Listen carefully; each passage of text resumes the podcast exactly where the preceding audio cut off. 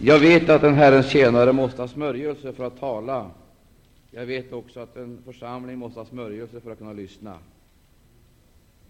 Och har ett smort öra nu, så kommer ordet att tränga sig in i ditt hjärta, och du kommer att se det profetiska eh, i det profetiska perspektivet, Guds fullkomliga vilja. Andra Mosebok 5. Där heter det i den första versen Därefter kom Mose och Aron och sade till farao Så säger Herren, Israels Gud, släpp mitt folk så att de kunna hålla högtid åt mig i öknen. Men farao svarade, Vem är Herren? Eftersom jag på hans befallning skulle släppa Israel. Jag vet icke av Herren och vill ej heller släppa Israel. Då sade de, Hebreernas Gud har visat sig för oss, så låt oss nu gå tre dagsresor in i öknen och offra åt Herren, vår Gud, för att han icke må komma över oss med pest eller med svärd. Men konungen i Egypten svarade dem, Mose och Aron, varför drager ni folket från deras arbete? Kom bort till edra dagsverken. Ytterligare sade farao, folket är ju redan alltför talrik i landet, och likväl vilja ni skaffa dem frihet ifrån deras dagsverken.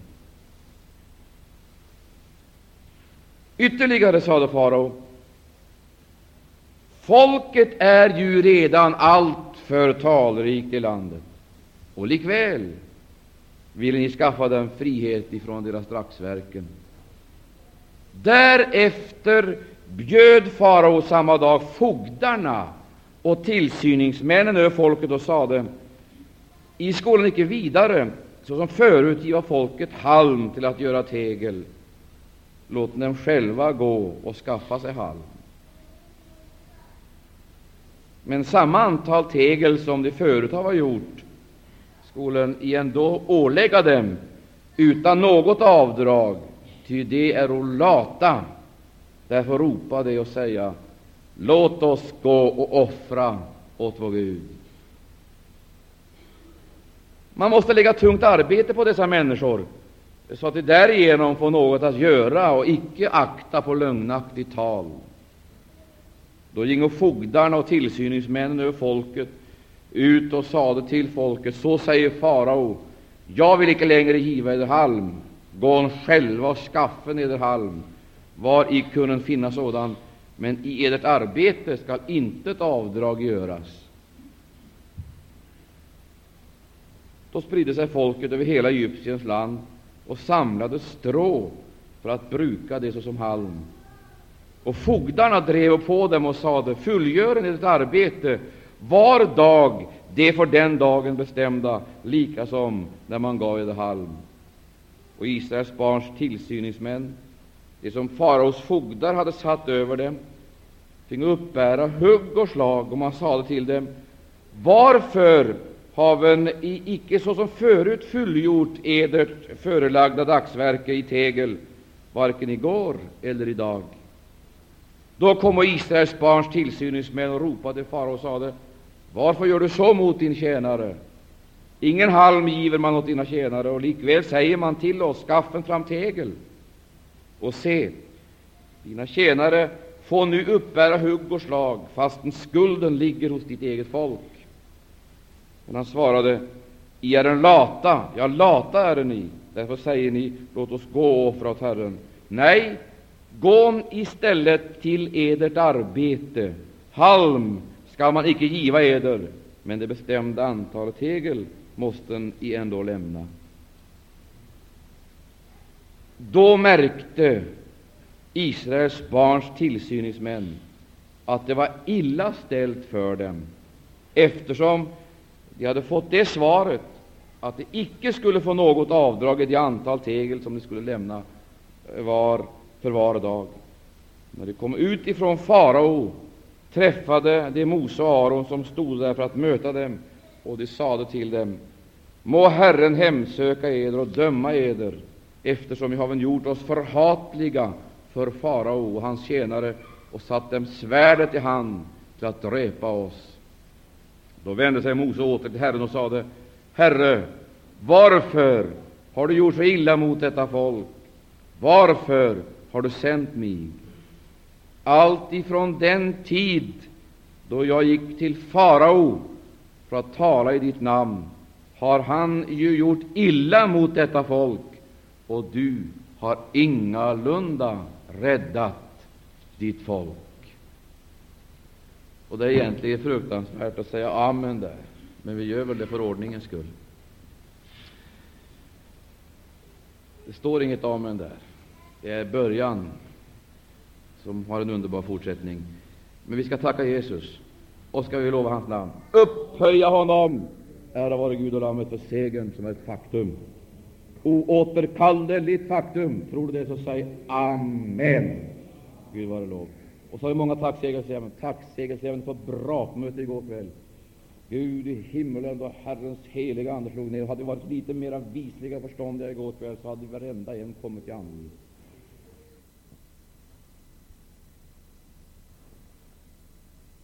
Du gör under, kära Herre Jesus. Du gör under, vi prisar dig därför.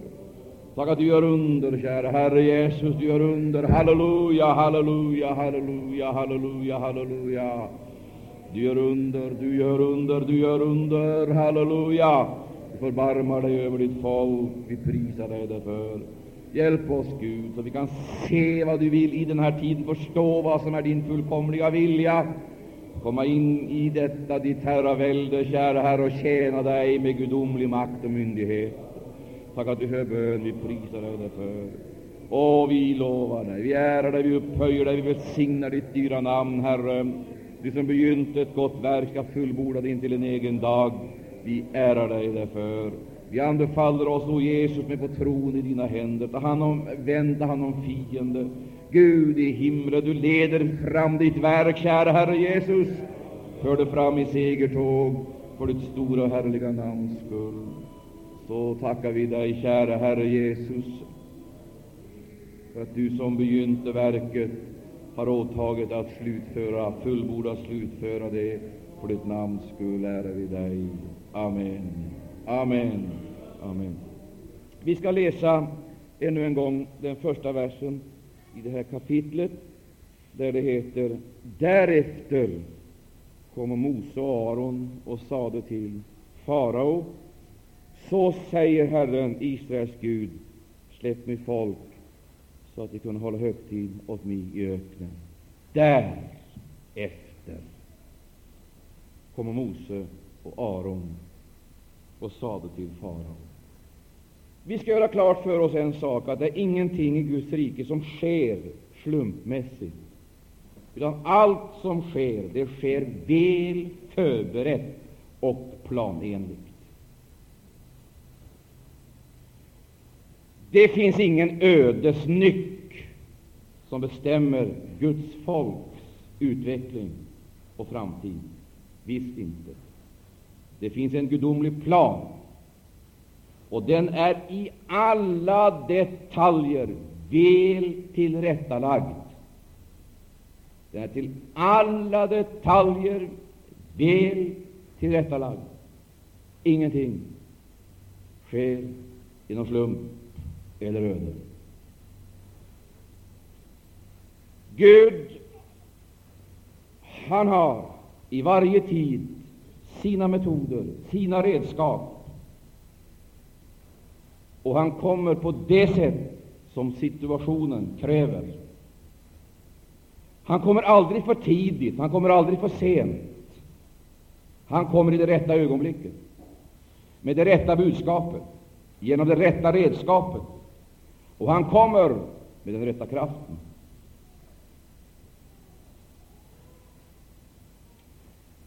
Prisat vare Herrens underbara namn. det stora problemet hela tiden, det är detta att, att informera, att förmedla kunskap till Guds eget folk om Guds avsikter. Att förmedla kunskap till Guds folk om Guds avsikter. Därför att vi har en benägenhet att i alla sammanhang begränsa Gud. Men Gud kommer till sitt folk, och så talar han om för detta folk vad han vill.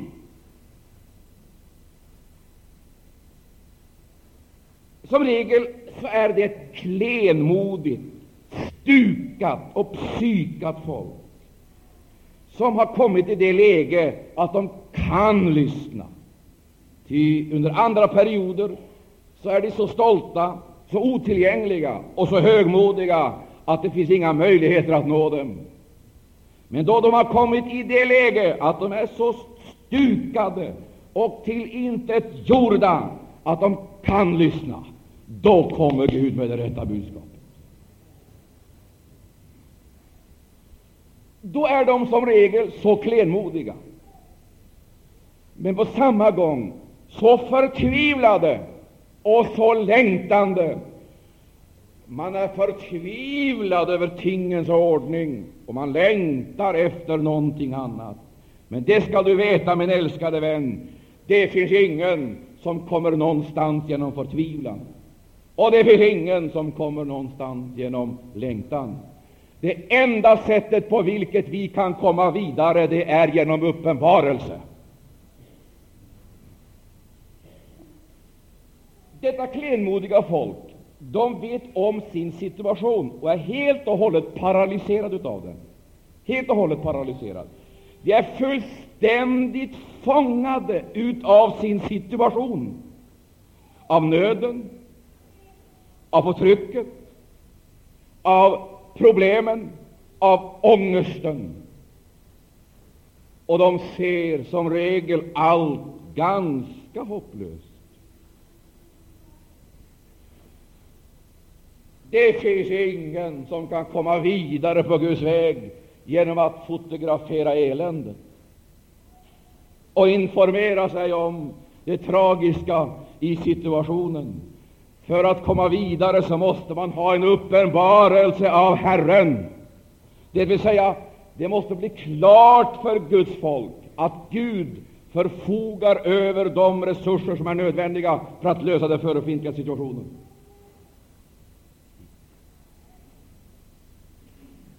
Så här kommer Mose och Aron till Israels folk och förkunna. Sedan gingo Mose och Aron och stad och församlade alla Israels barns äldste. Och Aron omtalade allt vad Herren hade talat till Mose. Och han gjorde tecken, tecknen inför folkets ögon. Han uppenbarade, han omtalade allt vad Herren hade talat till Mose, och han gjorde tecknen inför folkets ögon. Då trodde folket, och när de hörde att Herren hade sett till Israels barn och att han hade sett deras betryck, böjde de sig ned och tillbad. Det första Gud måste göra, det är att ge det här folket en vision. De måste få en vision, och de måste se Guds möjligheter. Det skedde i ett jättelikt väckelsemöte, uppbyggelsemöte, där denna profetiska kraft var mäktigt uppenbar. Mose trädde fram, Aron trädde fram, och man talade på ett sådant sätt att hela menigheten fångades. Det var precis som om de hade fångat läget och i ord, i ord uttryckte vad hela folket kände. Så här skulle vi ha, vilja ha det. Vi skulle vilja komma loss. Vi skulle vilja uppen, vi skulle se Guds kraft uppenbarad. Men kära du, ett uppbyggelsemöte, ett väckelsemöte, ett profetiskt vidrörande, en vision, det räcker sannerligen inte långt. Knappt är mötet avslutat förrän man blir påmind om kedjorna, om banden, om svårigheterna, om nöden. Och man hinner knappast ut ur sammankomsten för man förlorar positionerna och sjunker ner på den vanliga nivån och allt återkallas till den vanliga ordningen. Så har många upplevt det, gång efter annan, då man trodde man var på väg, men åter fångades in, återfördes liksom till det gamla. Nej, min vän, nog var det underbart, nog var det härligt, men vet du har fiender som är överlägsna. Du har motståndare som har resurser att kunna få dig ner på jorden.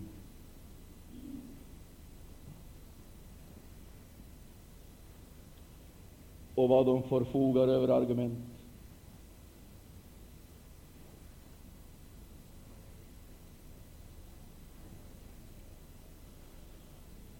Ett frigörelseverk skall du komma ihåg, min älskade vän. Det vilar aldrig på en vision och kan heller inte ledas vidare på en vision. Ett sant frigörelseverk är baserat på Guds eget ord, och det förändras icke utav tillfälligheter, utav någonting. Det vilar orubbligt och fast på Guds eget ord.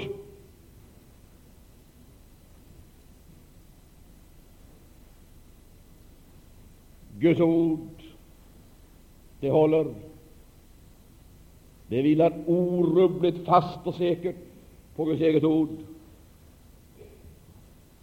Och när Mose och Aron trädde fram inför farao efter det här mötet jag hade haft med Israels äldste, därefter,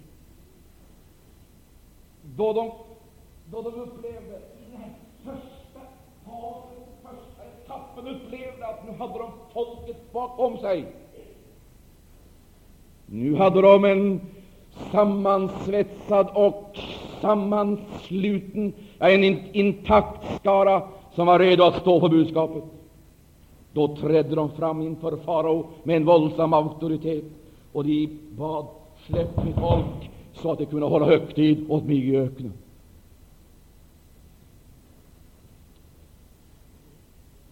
Halleluja. Du, släpp mitt folk så att de kunde hålla högtid åt mig i öknen. Detta säger oss att Gud vet precis sitt folks belägenhet.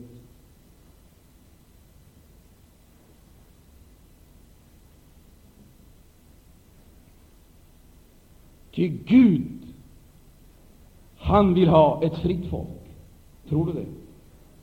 Vill Gud ha ett fritt folk? Gud vill ha ett högtidsfirande folk. Vill han det? Då säger jag amen. Gud vill ha ett avskilt. Det är tre saker som Gud aldrig någon gång, aldrig någon gång ändrar på i sin frälsningsplan. Gud vill ha herraväldet. Därför så måste han först lösa dig från det som binder. Gud vill ha ett fritt folk. Tror du det, så säg amen. Han vill ha ett fritt folk. Gud vill ha ett högtidsfirande folk. Se på denna klenmodiga skara. Se på denna sorgbetyngda skara som du möter här. Se på denna förtryckta skara. Märk, plågad, men med en helig tradition, mäktiga Guds uppenbarelser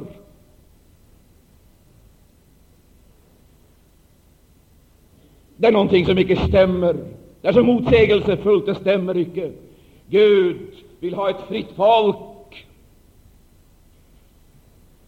Gud vill ha ett högtidsfirande folk. Gud vill ha ett offrande folk, men ett folk som offrar till honom på avskild plats.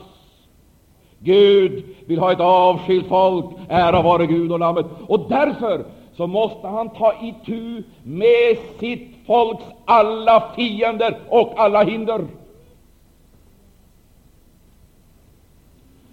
Och nu ska vi försöka ta reda på var någonstans ligger hindren och var någonstans ligger, är fienderna. Det ska vi se här. Men innan vi gör det så ska vi komma ihåg att allt sammans det här är baserat på Guds egen uppenbarelse.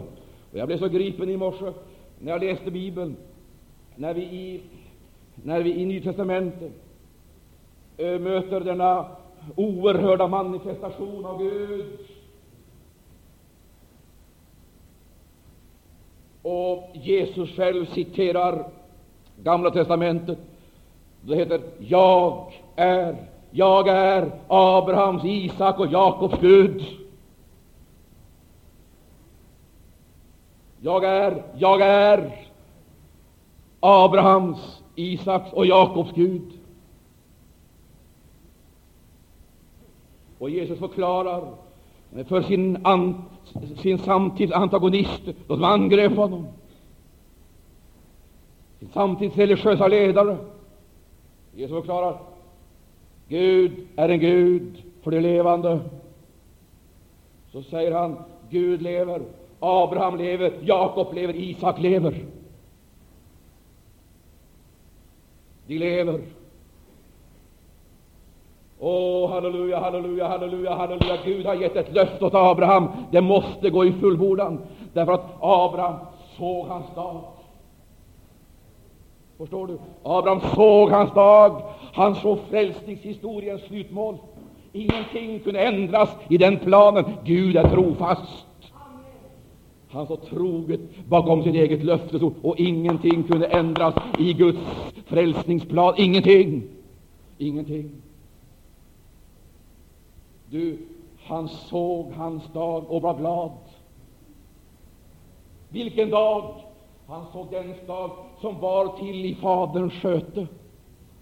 Han var till i Faderns sköte, men du, som efter uttåget ur himlen, intåget i jorden, uttåget ifrån världen, intåget i dödsriket, uttåget ur dödsriket och intåget i, i världen, och igen uttåget ur världen och intåget i himlen till Faderns högra sida. Denne Jesus som lämnade himlens härlighet, Fadern sköte och via jorden och dödsriket tågade rakt in i himlen på Faderns högra sida. Han såg hans dag och blev glad. Har du sett hans dag? Har du upplevt hans dag? Har du blivit glad, så säg Amen.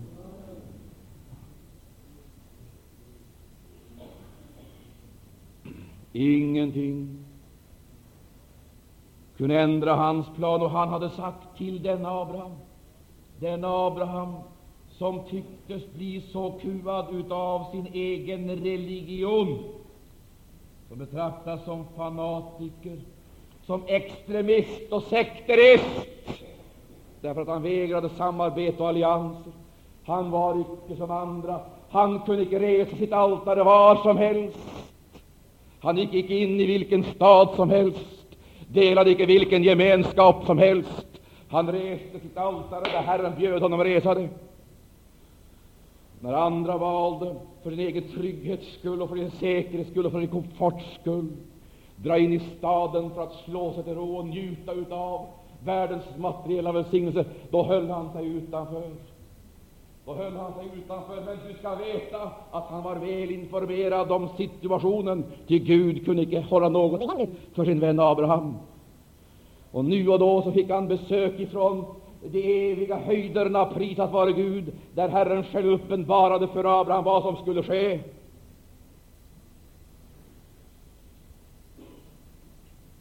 Gud var lov. Han stod utanför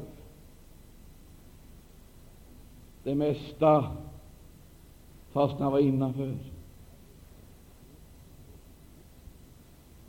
Han var en främling, han var en extremist, han var en sekterist, han var en fanatiker, han var allt konstigt, han var en särling. Men det heter han umgicks med Gud och han såg han så längre fram i tiden. Han hade inga kortsiktiga lösningar på problemen. Han serverade inga kortsiktiga lösningar på problemen. Vet du varför? Han hade sett staden med de fasta grundvalarna. Därför så föredrog han att bo i tält här i tiden. Ära vare Gud och Lammet. Jag vet aldrig var Abraham blev mantalsskriven. Ett vet jag, han blev skriven i himmelen.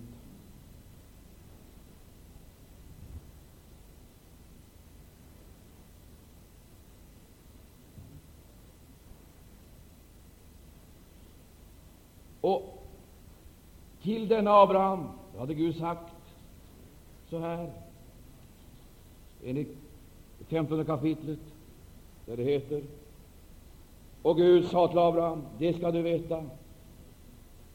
Första Mosebok 15 och 13. Och han sa till Abraham, det ska du veta att, att din sed ska komma att leva såsom främlingar i ett land som icke tillhör dem och de skulle där vara trälar, och man ska få trycka dem. Så skall ske i 400 år. Men det folk vars trälar det bliva, skall jag döma. Sedan skola de draga åstad ut med stora ägodelar. Men du själv skall gå till dina fäder i frid och bli begraven i en god ålder och i det fjärde släktet skall din sed komma hit tillbaka, ty ännu hava icke amoréerna fyllt sin missgärningsmått. Ja, jag är oerhört gripen av det här textordet, där Gud liksom där Gud drar slöjan åsido, han får se några århundraden i framtiden. Detta folk som skulle dra ner till Egypten och vara där under några sekler.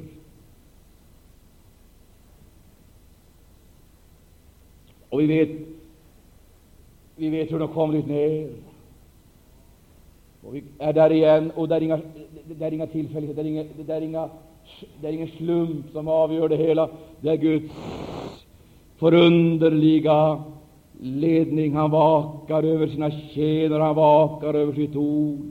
Och frälsningshistorien den går vidare i en allt mer stegrad uppenbarelse. Den når så småningom sin fullbordan i den alltsammans pekar hen emot Jesus Kristus. Och så här skulle det här folket få göra sina erfarenheter då Abraham får se in i denna historia. Så får han också veta, då nu solen hade gått ned och det hade blivit alldeles mörkt, syntes en rykande ugn med flammande låga som for fram mellan styckena. På den dagen slöt Herren ett förbund med Abraham och sade, åt din sed ska jag giva detta land, från Egyptiens flod ända till den stora floden, till floden Frat. Kainenernas, Kenaseernas, Kadmoneernas, Hetiternas, Periseernas, Rafaernas, Amoreernas, Karanernas, Girgaseernas och Jebuseernas land. Gud var evigt lov. Herren hade utsett ett område för detta folk, ett land för detta folk, för att det som han hade lovat skulle gå i bokstavlig uppfyllelse. Gud vill ha ett fritt folk. Gud vill ha ett högtidsfirande folk. Gud vill ha ett avskilt folk.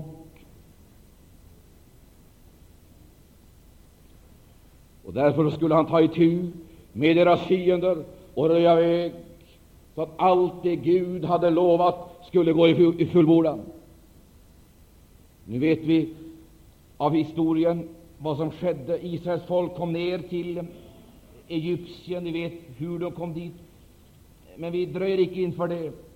Josef, som kom till eh, Egypten genom många märkliga omständigheter och som i varenda liten detalj blir en förebild på honom som lämnar himmelens härlighet och kommer till jorden för att bli vår frälsare. Men vi lämnar den sidan. Eh, vi går fram till Andra Moseboks första kapitel. Så ser vi hur scenförändringarna på den politiska scenen så att säga också förbereder en ny tid för Guds folk. Där heter det i den åttonde versen då uppstod en ny konung över Egypten, en som icke visste av Josef.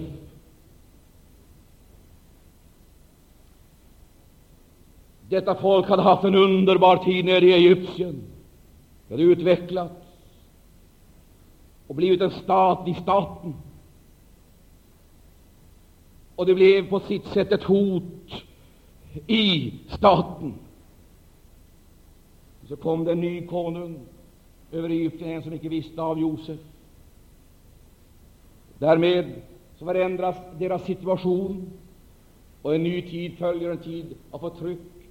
Och vi ska inte stanna så länge vid det här, utan bara nöja oss med att läsa några eh, ord här i första kapitlet som avslöjar för oss deras situation. I nionde versen heter det Och denne sa till sitt folk, se, Israels barns folk är oss för stort och mäktigt. Velan, låt oss då gå klokt tillväga med dem, eljest kunde de ännu mer föröka sig. Och om ett krig kommer på, kunde de förena sig med våra fiender och begynna krig mot oss och sedan draga bort ur landet.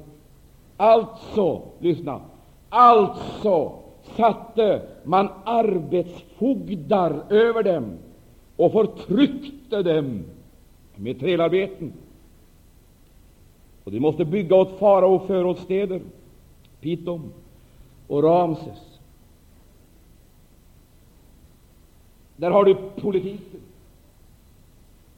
Strategin var att hålla dem i förtryck. Det är klart att den som utsätts för detta tryck måste uppleva det ohyggligt. Om vi ser den mänskliga situationen, så ter det sig ohyggligt. Hem, familjer, makar. Det är mänskligt lidande, det är mänsklig nöd. Då gäller det att ha ett klart perspektiv, så att man förstår att detta tillhör icke det förblivande, utan det är det som kommer att förändras.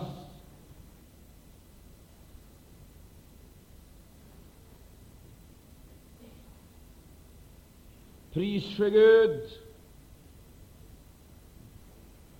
Lyssna, min älskade broder och syster. Det är så här. Gud förändrar situationen för sitt folk för att frigöra det för en ny uppgift. Förstår du det? I det historiska skedet då handlar Gud på det sättet. Men frälsningshistorien ska vidare. Nu kommer han med något nytt. Och då gäller det att förstå att detta är icke något isolerat ifrån sammanhanget.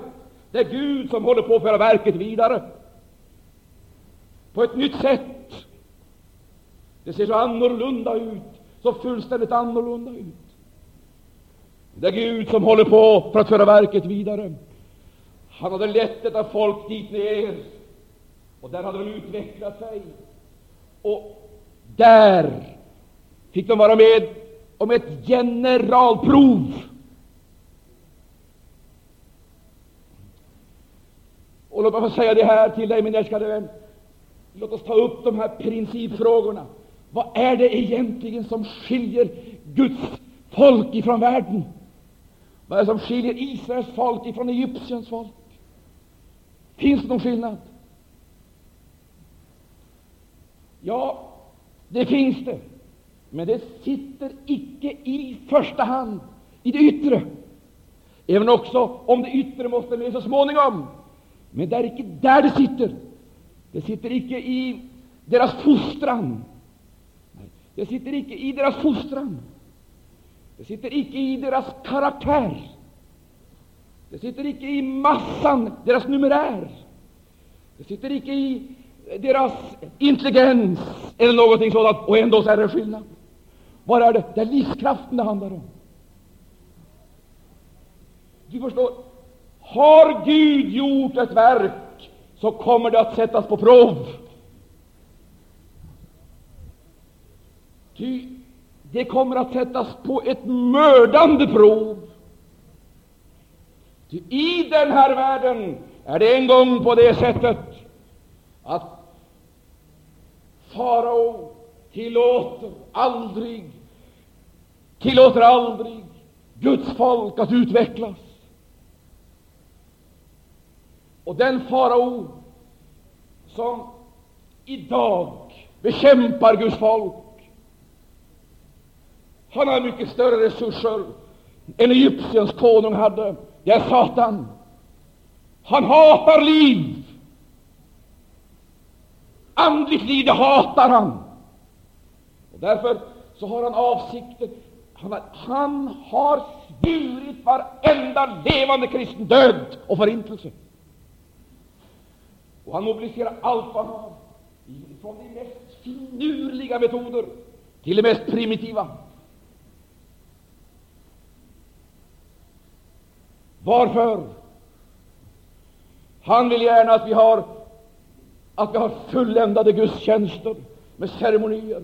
Allt detta, det har han ingenting emot, men han hatar livet. Det är det han vill gå åt. Han vill åt livet till varje pris, så vill han åt livet, Gudslivet. Och det kan han göra på många sätt, men ett av det främsta sättet det är att han vill komma åt, han vill komma åt nyckelpersonerna på ett tidigt stadium. Och vilka nyckelpersoner?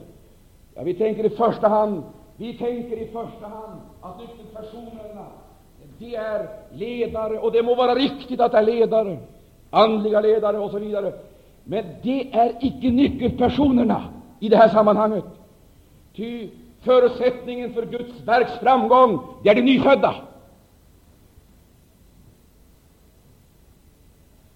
Där det icke sker, där det icke sker nya födelser, där är det stagnation. Där sker ingen utveckling.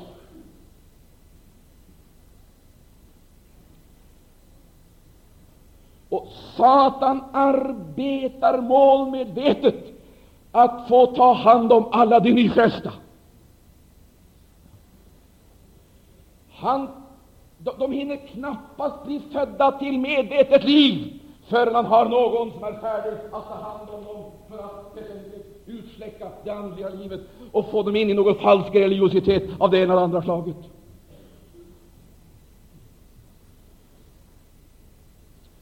Framtiden och utvecklingen beror mycket på hurudan modern är.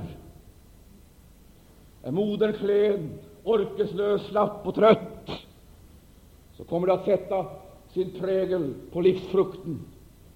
Men här heter det, ju mer farao skruvade åt förtryck, skruv, och halleluja, ju större eh, ökade nativiteten hos det folket, och barnen blev friskare och friskare och friskare.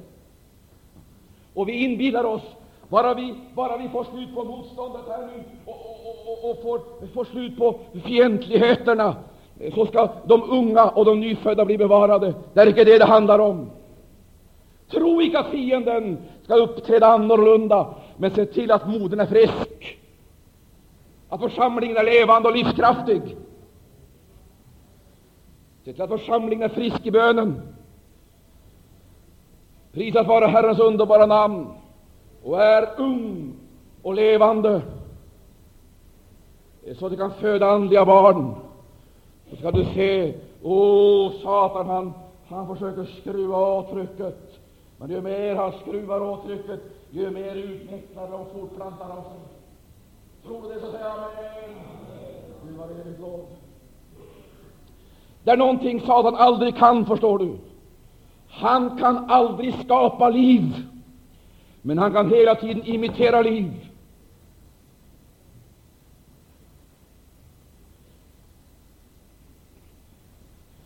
Det är därför det handlar om detta liv, liv.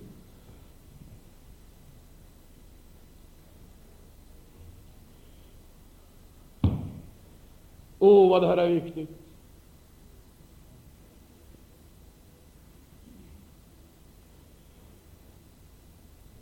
Fri Gud. Halleluja. Och du ska veta, Satan han gör allt vad han kan för att få de rätta personerna i sin tjänst. Det heter Här försökte farao att locka över barnmorskorna på sin sida, hjälpkvinnorna på sin sida.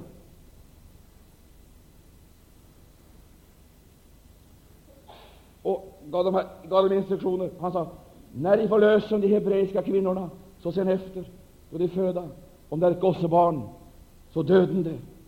Är det ett flickebarn, så må det leva. Men hjälpkvinnorna fruktade Gud och gjorde icke som konungen i Egypt, som konungen i Egypt hade sagt till dem, utan lät barnen leva. Här ska du höra. Skulle han ha fått alla hjälpkvinnor över på sin sida, så hade han ändå kommit till skam. Då kallade konungen i Egypten hjälpkvinnorna till sig och sa till dem, varför gör ni så och låter barnen leva? Hjälpkvinnorna svarade farao, de hebreiska kvinnorna är icke såsom de egyptiska. De är kraftigare. Förrän hjälpkvinnan kommer till dem har de fött. Halleluja.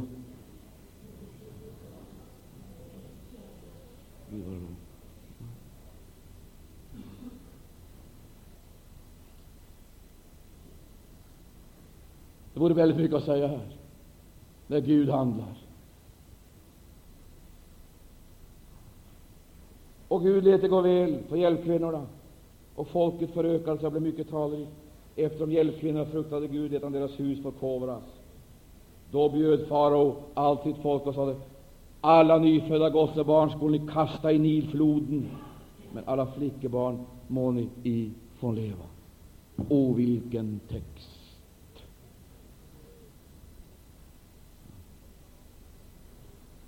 Få dem ut i floden som sköljer dem undan. Det finns en annan flod som är värre än Nilfloden.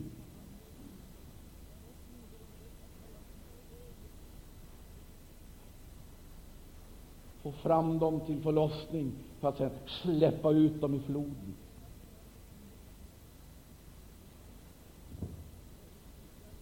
Kom ihåg en sak, min älskade vän. Gör klart för dig, det gäller, det gäller att du och jag förstår vad Gud vill.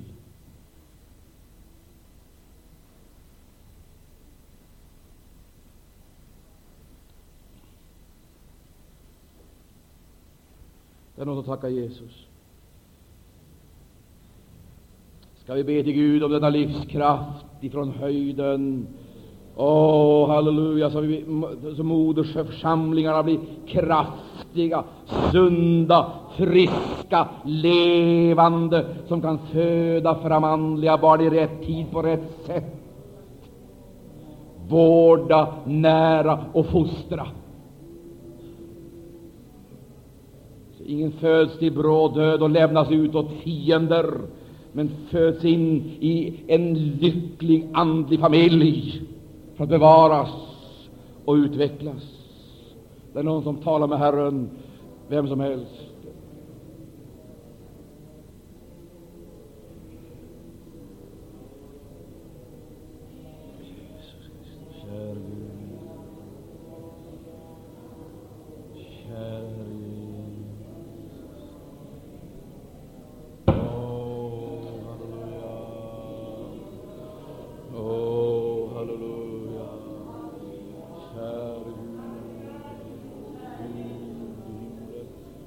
Med Herren någon vem som helst. Stå upp och tala med Herren. Åh Jesus, kära Herre, Gud var evigt lov, Gud var evigt lov. Åh, halleluja.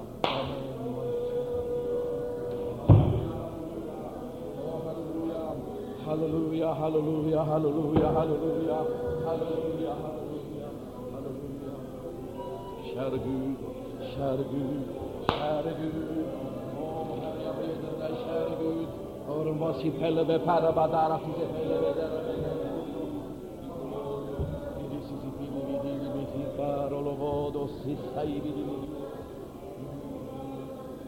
Amen. Åh, det Gud i himlen. Så konstaterar vi Det var friskt liv. Det var kraftigt liv.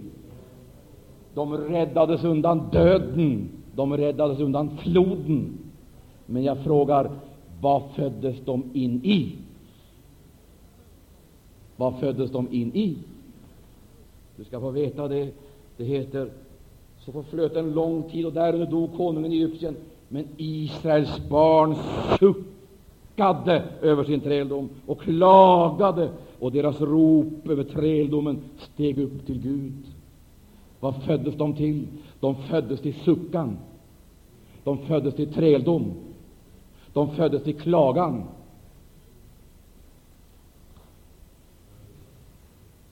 Jag säger det en gång till. De kom undan döden, de kom undan floden. Men vad föddes de till?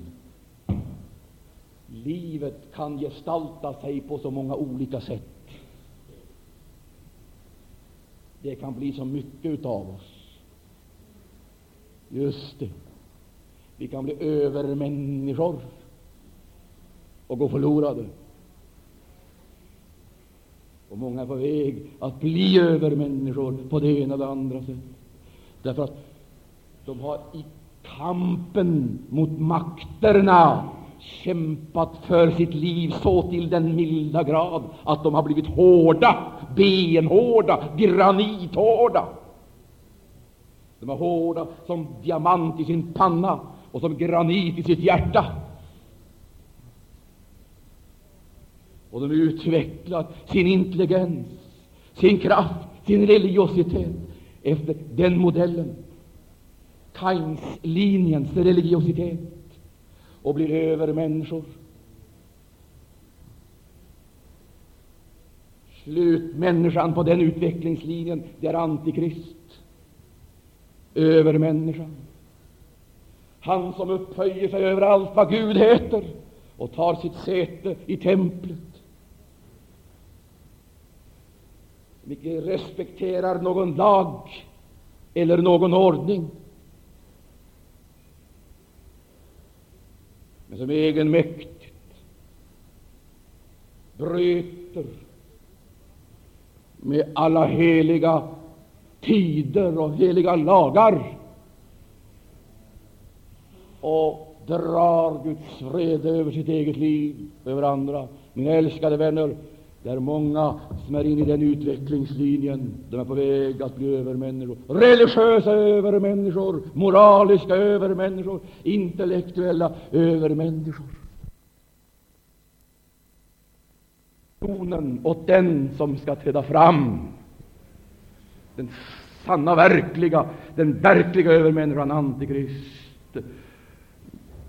Nu måste jag be att få lugn här, absolut lugn här när jag predikar, för jag är under profetisk kraft här och jag vill absolut vara ostörd. Du, men Gud har icke kallat oss att vara övermänniskor. Han har kallat oss till Guds människor. Och där har du alla de raka motsatserna. Det är icke hårdhet, men ödmjukhet. Det är icke stolthet, icke högmod, Och ju längre du kommer på, ju längre du kommer i den utvecklingen mot övermänniska, ju mer suverän blir du. Men ju mer avlägsnar du dig från själva livets källa.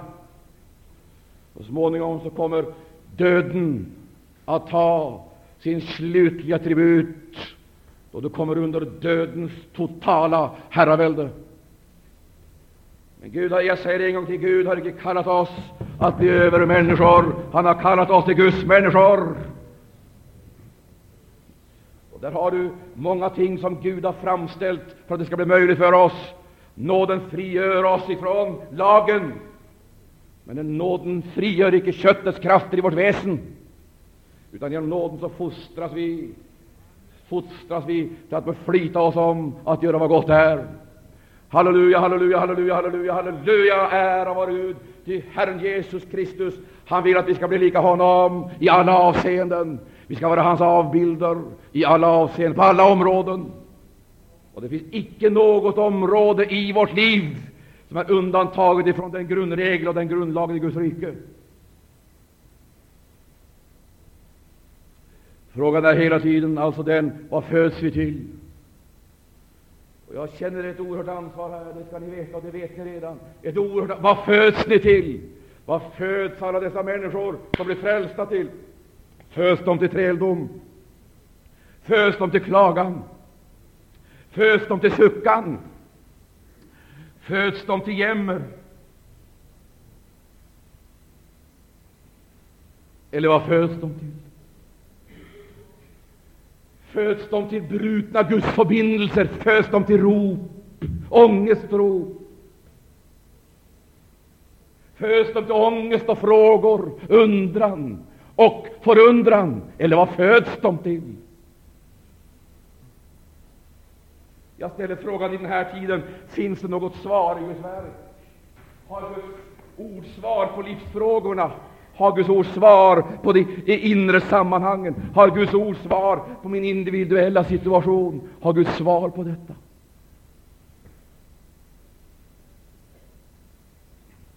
Är det likgiltigt vad jag gör eller vad jag blir?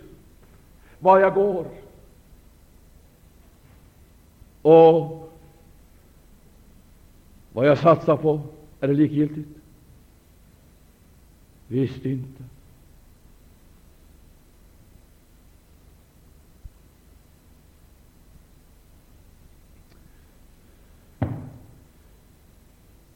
Gud vill ha ett fritt folk. Ära vare Gud. Och alla som är här har fötts fria. Boken har kommit senare. Och vem har lagt på boken? Vem har smygt och byggt på? Vem har lagt på boken? Jag talar om för dig, vi har tagit, vi har tagit arvet ifrån fäderna Vet du, istället för att påminna oss om Abraham, Isak och Jakob, så påminner de oss om sina bördor, sina problem och sina svårigheter. Istället för att visa oss till de där väldiga källorna, kraftkällorna ifrån ovan, så pekade de på kortsiktiga lösningar som världen kan erbjuda. Oh, de förstod icke att vi längtade efter Gud när de kom och erbjöd oss bildning. De förstod icke att vi längtade efter frigörelse för att tjäna Herren. De kom att erbjuda oss medel för, att, för, att, för självförverkligande. De förstod inte att vi längtade efter himmelen. De gjorde revolt eller protest. De fattade icke kom med sitt program för fostran, för anpassning och så vidare. Mina vänner, oh, det finns en obändig längtan. Varenda en som är född in i Guds rike är född till frihet.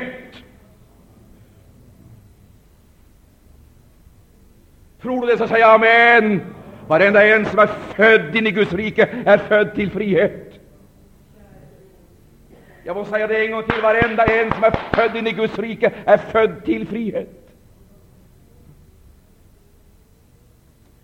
Det finns icke någon som har rätt att lägga något ok på dig. För du ska veta att denna frihet är så suverän så till och med Anden, den heliga Anden, den tredje personen i gudomen, bryter sig icke in i vårt liv, utan den kommer till oss och undervisar oss och talar med oss. Och överlämnar åt oss var och en att fatta vårt beslut, om vi ska öppna oss för Gud eller stänga vårt hjärta. Och sen, när vi har kommit in i Guds rike, så bevaras vi i denna suveräna frihet på ett sådant sätt att Anden för oss icke ett steg längre än vi själva vill gå.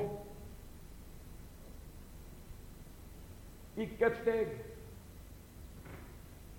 Vill du sitta på parkett i hela ditt liv, så får du göra det. Men bli inte förvånad när du ser resultatet av att du sitter. I fem, tio år. Vill du vara periferisk i 40 år, så får du det. Och vill du vandra omkring i öknen i 30 år, i en fullständig, meningslös kretsgång, så får du det. Du får göra det. Ty där Herrens ande är, där är frihet. Där är aldrig kramp, där är aldrig stress, där är aldrig nervositet, där är aldrig oro. Jag höll på att säga, där är aldrig hysteri. Även om jag nu gapar så det kan nästan låta hysteriskt. Men det beror på att den här kroppen är så oerhört begränsad. Jag känner hela, varenda fiber i min varelse brinner. Gud vare lov, där den heliga Ande är, där är det frihet. Halleluja, halleluja, halleluja, halleluja, halleluja, där är det frihet. Jag får profetera om jag vill, jag får predika om jag vill, men jag får sitta och tiga om jag vill. Amen. Det är frihet.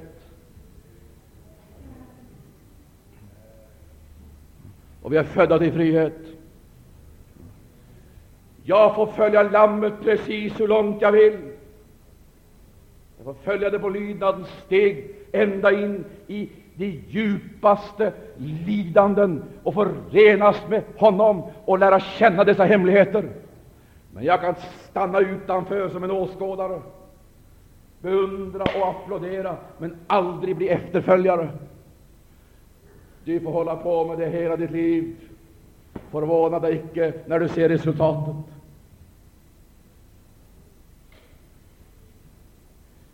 Anden överlämnar oss att fatta beslut. Jag får gå ut och tjäna honom i hela världen om jag vill med evangelium. Jag vill följa hans. Jag får ge mig iväg till världens ände om jag vill.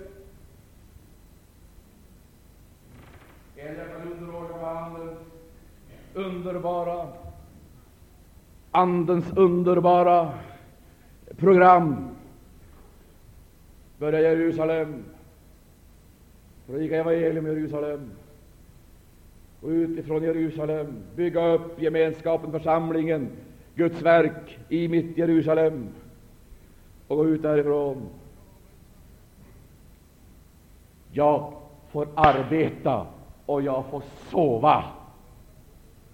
Jag får ligga och jag får vara jag, jag får göra precis vad jag vill.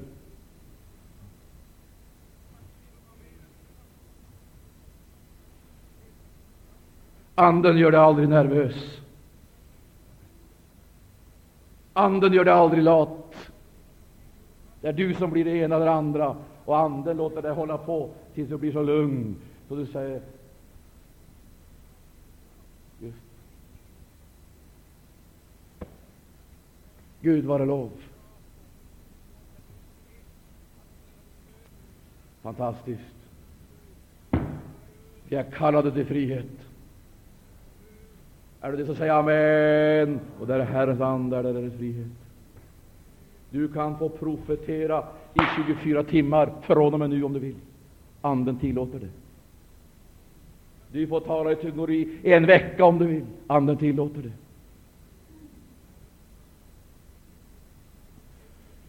Men du får också vara stilla. Anden tillåter det.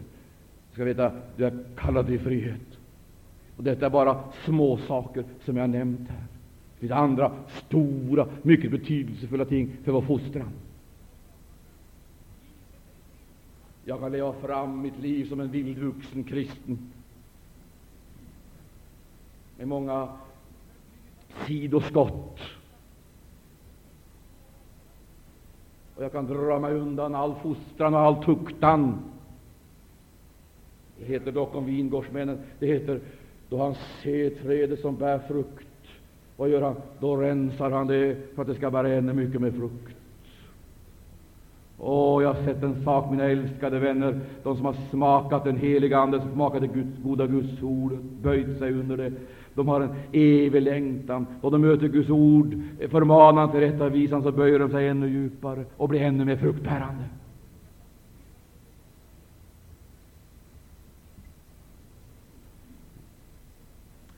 Jag frågar, vad vi är födda till? Vi är födda till frihet. Men vad är människor födda till, som vi möter i de olika sammanhangen?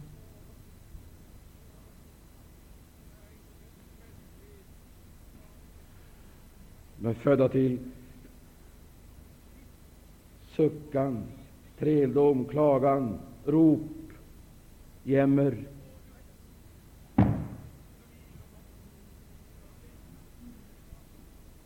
Min älskade vän, låt det stå klart för dig att en dag så blir ropen, så längtan så överväldigande, så intensiv, så kolossal att man börjar ropa på Abrahams, Isaks och Jakobs Gud. Herre, se till mig, se till mitt folk, se till oss. Kom, kom, förnya detta år dina gärningar. Vi har hört om dig och hetat, förnya dessa år dina gärningar.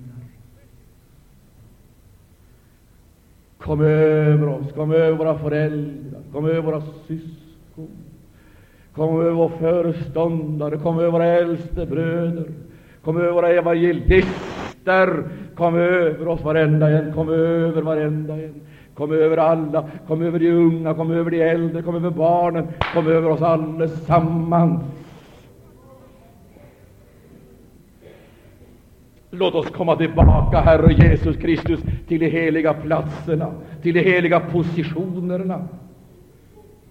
Låt oss komma tillbaka till de underbara trakterna och underbara områdena, till denna intima, levande, omedelbara gemenskapen med dig, Herre Jesus Kristus. Bryt sönder våra program. Bryt sönder eh, vår tradition som ligger som ett hinder i vägen, i den mån det gör det. Ta itu med våra fiender på det plan där de finns. En sån bön kan himmelen aldrig låta bli att svara på. Då, när den bönen kommer ifrån ett förtryckt folk som är medveten om att nu har det förlorat sin egen skönhet och härlighet, det sitt självmedvetande och sin självtillräcklighet.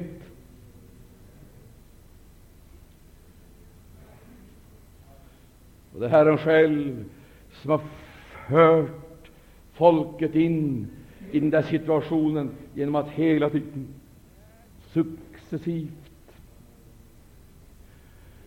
beröva dem deras trygghet, deras säkerhet.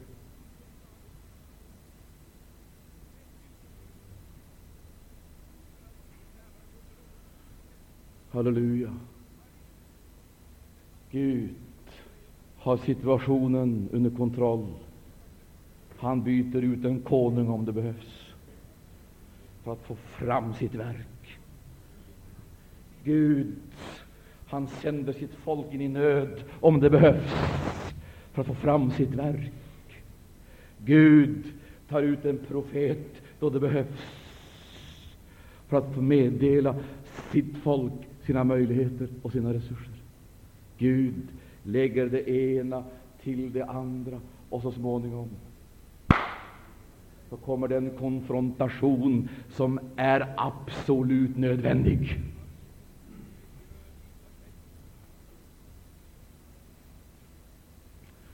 Och mina vänner, jag har mycket att säga idag, men jag ser tiden har gått, tyvärr. Jag hann med en tredjedel av inledningen. Min älskade vän, låt mig få säga dig en sak. Gud har läget i sin kontroll.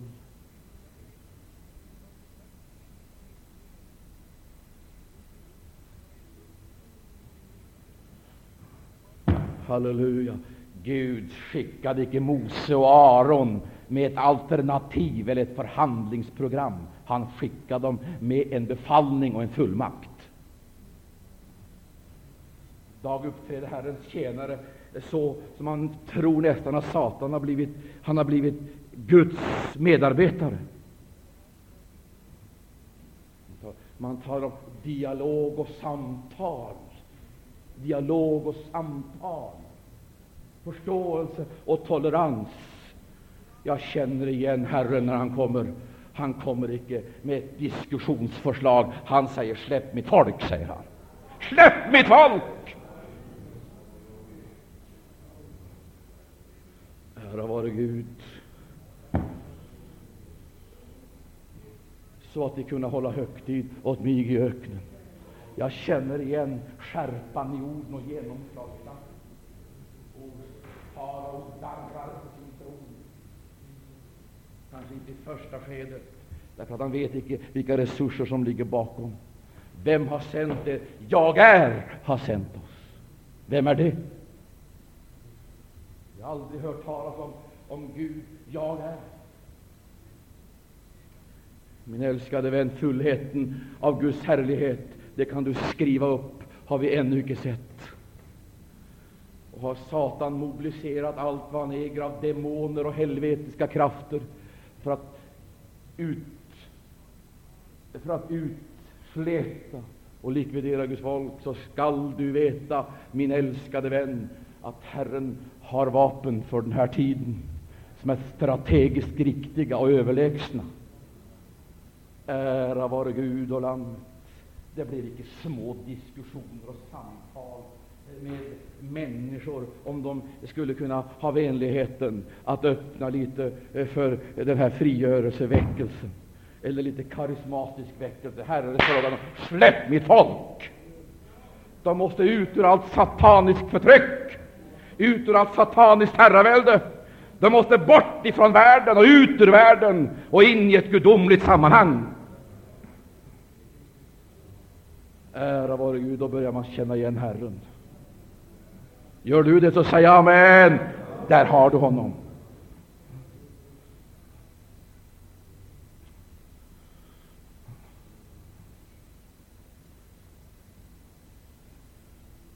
Gud var evigt lov. Han kommer till sitt folk med sitt eget budskap.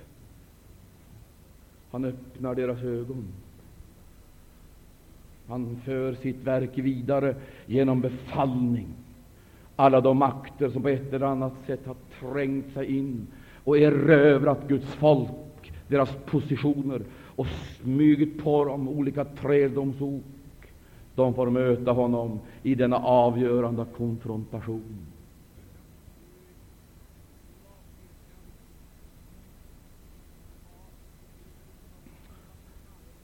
Prise Gud. Prise Gud. Åh, oh, halleluja.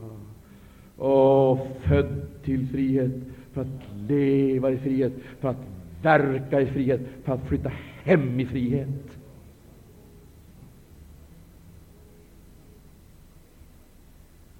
Ingen ska få klippa våra vingar, ingen ska få binda våra vingar.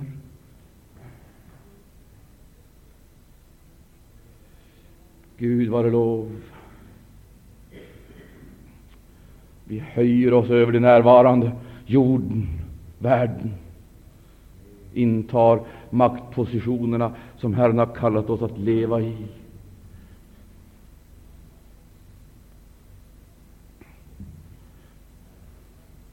Då det budskapet var framburet, så mobiliserade farao sina resurser till en motattack. Och jag, jag rekommenderar att studera hans tillvägagångssätt och du kan lära känna igen Satan. Precis så går han till. Han är ingenting annat än en exponent för Satans metoder och avsikter.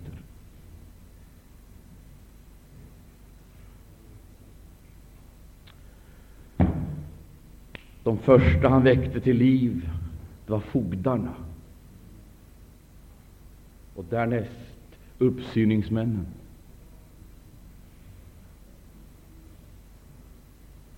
Det ska inte så värst mycket till av andligt liv förrän man hör fogdarna. Det finns en fogde, höll jag på att säga, i varje by. Finns det en fogde så fort det börjar röra sig lite bland Guds folk och de upplever att de inte är kallade att vara tegelbärare vid faraos ugnar. Kallade att utgöra ett Guds folk, ett härlighetsfolk, ett uppenbarelsens folk, ett bärare utav gudomlig kraft. Så fort de börjar göra anspråk på rättigheterna och löftena, då kommer dessa fogdar och påminner dem om deras historia, deras belägenhet, deras situation, deras underlägsenhet, psykar dem ned i mindervärdeskomplex och mindervärdeskänslor. Får dem tillbaka i resignation och klenmod. Och de har god hjälp av Israels uppsyningsmän, deras egna, som hade blivit egyptiernas hantlangare för att hålla ordning på folket. Ska säga till sist här, jag ska sluta där, det är synd att jag måste sluta där, för jag skulle vilja hinna fram till uppståndelsen. Då Jesus trädde fram i graven Halleluja. Oh, och hade vunnit seger över hela det här anhanget. Då det icke är bara frågan om en symbolisk eller förebildlig eh, frihet, utan en verklig frihet. Den frihet som tillhör Guds barns härlighet, tillhör Guds barns härlighet, ett tillstånd vi är kallade att leva i.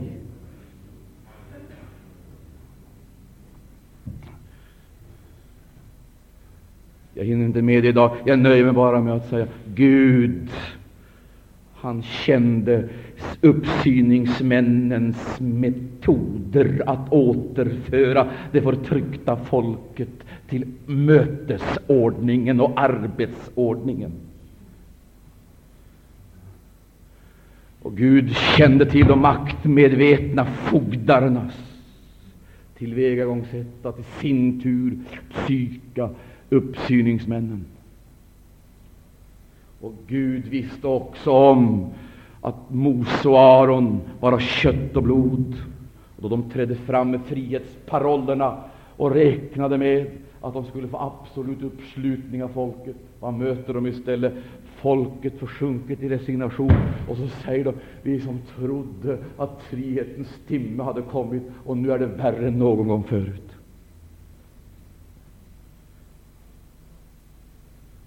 Ser du där, min älskade vän, också den här situationen talar om att Gud är i verksamhet. Det blir värre och värre för Guds folk.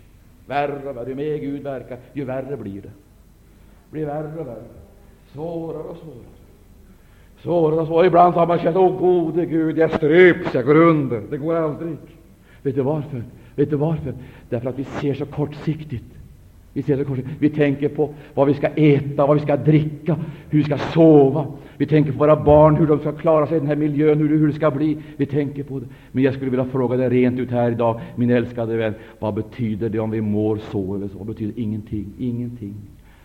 Om du mår illa, vad betyder det ingenting. Men snälla till, ska vi må illa då? Nej, visst inte. I och för sig inte. Men det betyder ingenting. Ja, men vi ska väl känna oss lyckliga, vi ska väl känna oss saliga. Vi ska väl känna, oss, vi ska väl känna att vi har övertaget. Min älskade vän, det är inte du och jag som har övertaget, det är Gud som har det. Det är han som har det. Han har det antingen vi känner oss illamående eller känner oss pigga, så har han övertaget. Halleluja. Han har övertaget antingen vi känner oss på höjderna eller i dalarna, så har han övertaget. Han kommer inte att mäta temperaturen och känner efter och eh, är på nivå göra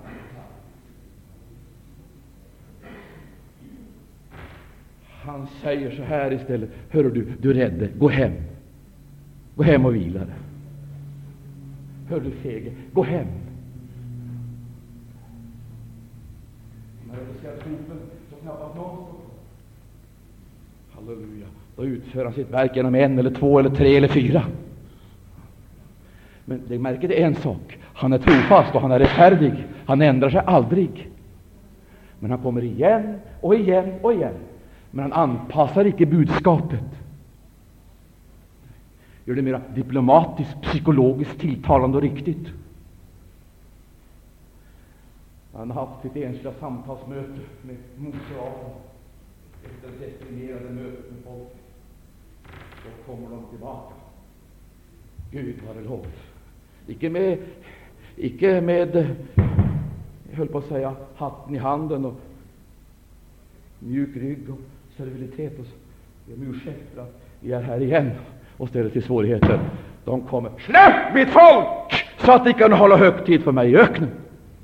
Gud ändrar icke sitt budskap. Han kommer igen med ny kraft, därför att han vill ha loss budskapet. Han vill ha loss folket. Tror du det, så säg amen.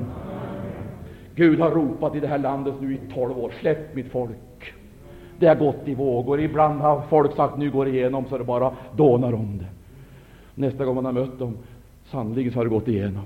De har ramlat fullständigt igenom. På höjderna, så väldigt på höjderna. Nu, så, nu, nu kan du lita på. Nu har jag fått krafter, nu har jag fått resurser. Nu är det möjligt. Så är de där uppe och seglar ett tag. Nästa gång man möter dem, så är vingarna klippt. Så ner i samma elände och kryper på samma sätt och samma grodperspektiv som förut. Vet du varför? De fick en vision och trodde de skulle gå vidare på det. Vi går icke vidare på vision, vi går vidare på Guds ord. Gud har sagt det, och det räcker! Prisat vare Gud och Lammet. Och då får det vara öppet eller stängt, motigt eller svårt. Gud har sagt det, släpp mitt folk. Och det går ett år, och det ser ut som det blir bakslag rakt igenom hela vägen. Han kommer igen efter ett år. Ära vare Herrens underbara namn, med förnyat budskap, med förnyad skärpa, med förnyad kraft. Släpp mitt folk! Halleluja. Därför att det är inte bara sitt folk han måste ta itu med, det är också de andemakter som binder. Och vad är det för andemakter? Det är alla de som träder upp för att imitera och ta hand om budskapet, förändra och förfuska det.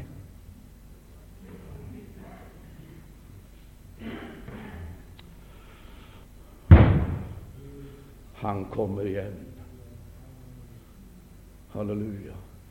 Och jag har en känsla av att genom tidens midnatt så går det ett budskap släpp mitt folk.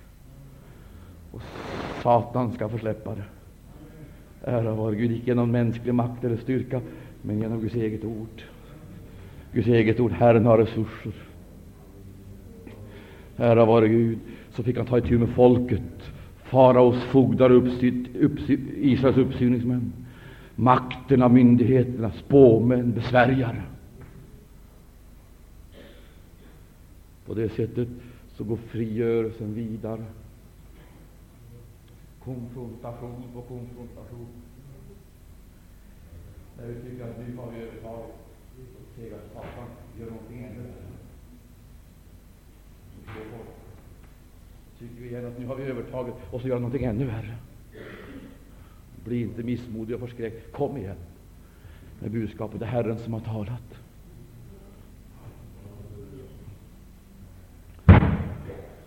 Gud vare lov, och det kommer en slutlig uppgörelse då ingen makt längre kan stå emot.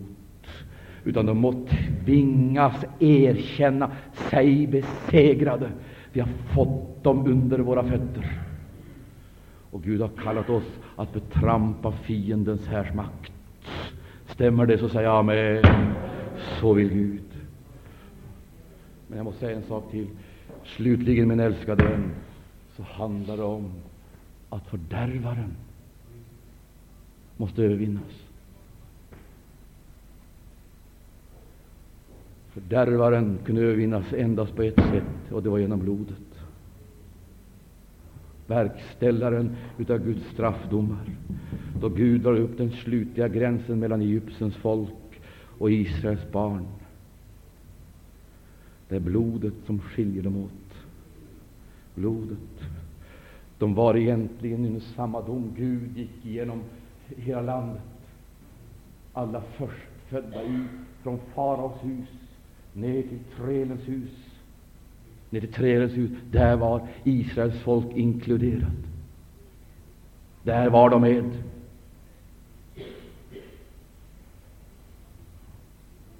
Där var de med. De skulle ha drabbats av samma fördömelse, men det var någonting som skilde dem åt, var blodet. Ära vare Gud. Är du på Herrens sida, du är oåtkomlig för all straff, all dom, all vedergällning då är du bevarad i frid, bevarad i frid för att leva i Herren Jesus Kristus och beskyddas utav honom. Släpp mitt folk så att de kunna hålla högtid åt mig i öknen. Gud skiljer ut sitt folk, drar upp gränserna. Åh, halleluja, ära vare Gud, skiljer ut det ifrån sammanhangen, leder in det i sitt sammanhang, och så börjar han denna underbara avgiftningsprocess i öknen.